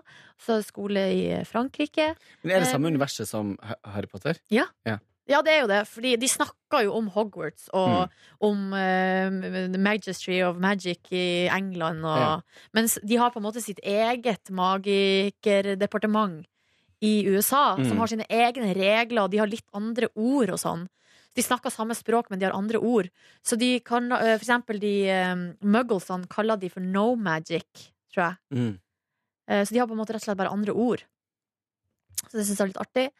Men jeg kjente ikke på det samme sånn Jeg kjente ikke på det samme sånn engasjementet, kanskje, fordi at um, selv, om, det her òg er sånn der, litt sånn historie mellom det gode og det onde, så er det ikke like Liksom ikke like tilspissa, da, på en måte. Slik polarisert. Nei, det er liksom ikke like ille som eh, det er med Harry. Det her finner jo sted da noen, år før. Mm. 70 år før Ah. Harry eh, sin historie, da. Ah. Så det er USA på liksom 30-tallet? Nei, 40-tallet? Ja. Ja. Noe sånt, ja. Og de har artige krigen, biler ja. Mm. og eh, Mm. Eller om det er rett, et, ja, rett etter første verdenskrig, ja. Første verdenskrig, ja. Ja, Hvis det er 70 år. Det mener jeg har lest et Mm. sted, men jeg vet ikke om det var det, om det eller om det var 40 år. Nei, for han ene karakteren har nettopp vært i Europa i krigen. Men var US, amerikanerne mye i Europa etter første verdenskrig? Mm, nei, det tror jeg ikke. Nei, da, er det, da var det her uh, rett etter andre verdenskrig. Ja. Så de har kjørt biler og Men det er jo 70 år siden, det også. Ja, det er det, Mm. pinadø meg. Herregud. Tida går så fort. Akkurat som krigen var i går. Ja. Mamma er jo 70 og var født året etter krigen. Ja, så da er det jo 70 år. Mm. Ja, da stemmer jo det. Mm. Etter andre verdenskrig, ja. Sei, eh, kul film, altså. Det, jeg vil anbefale det hvis man har lyst til å, å se det. Um, men det er liksom ikke Ja. Men jeg tror det handler om at jeg har på en måte ikke lest den boka. Har liksom ikke engasjert meg sånn emosjonelt. Men eh, tror du det kommer flere? Uff, Nå eh, føler jeg at jeg kommer til kort, for der har det jo kommet noen saker, og JK Rowling har, sier jo forskjellige ting om når det er slutt og når det er over, og sånn, og så har jeg ikke helt hengt med. Jeg føler at alt som er utover den filmserien, en, altså, eller bokserien, da, på en måte én til sju, det er bare en bonus for meg. Mm. Så jeg, og det er liksom ikke der mitt engasjement ligger. Nei. Så jeg får det med meg sånn litt her og der, men det er liksom ikke Det er jo sånne nettsteder, sånn folk er helt gærne, og nå fikk jeg tips fra Maria Olivia Rivedal, som jobba her før, sendte meg en link. Silje, her kan du virkelig ta liksom sorting-hatten og finne ut hvilket hus du skal være i. Men det er, liksom, det er litt sånn større enn de testene som jeg har tatt før. Tør ikke helt å ta den ennå, for jeg er redd jeg havner i feil hus. det vil jeg ikke. Ja. Så jeg venter litt. Tar- litt Det har vært kult å ha det på CV-en sin, da. Hvordan hus man er, ja. Ja. Eller, hvor, ja. Jeg har jo på Facebook så står det jo at jeg har gått på Hogwarts eh, School of Wizardry and Magic. Of. Wizardry and Magic. Wizardry. Wizardry. Mm. Nei, nå har vi skravla såpass lenge Mm. at da tror jeg vi sier takk for oss denne 3. januar. Um, håper du der ute Kanskje uansett hvordan starten på dette året har vært, så håper jeg at det tar seg opp. Eller holder seg jevnt på topp. Love you.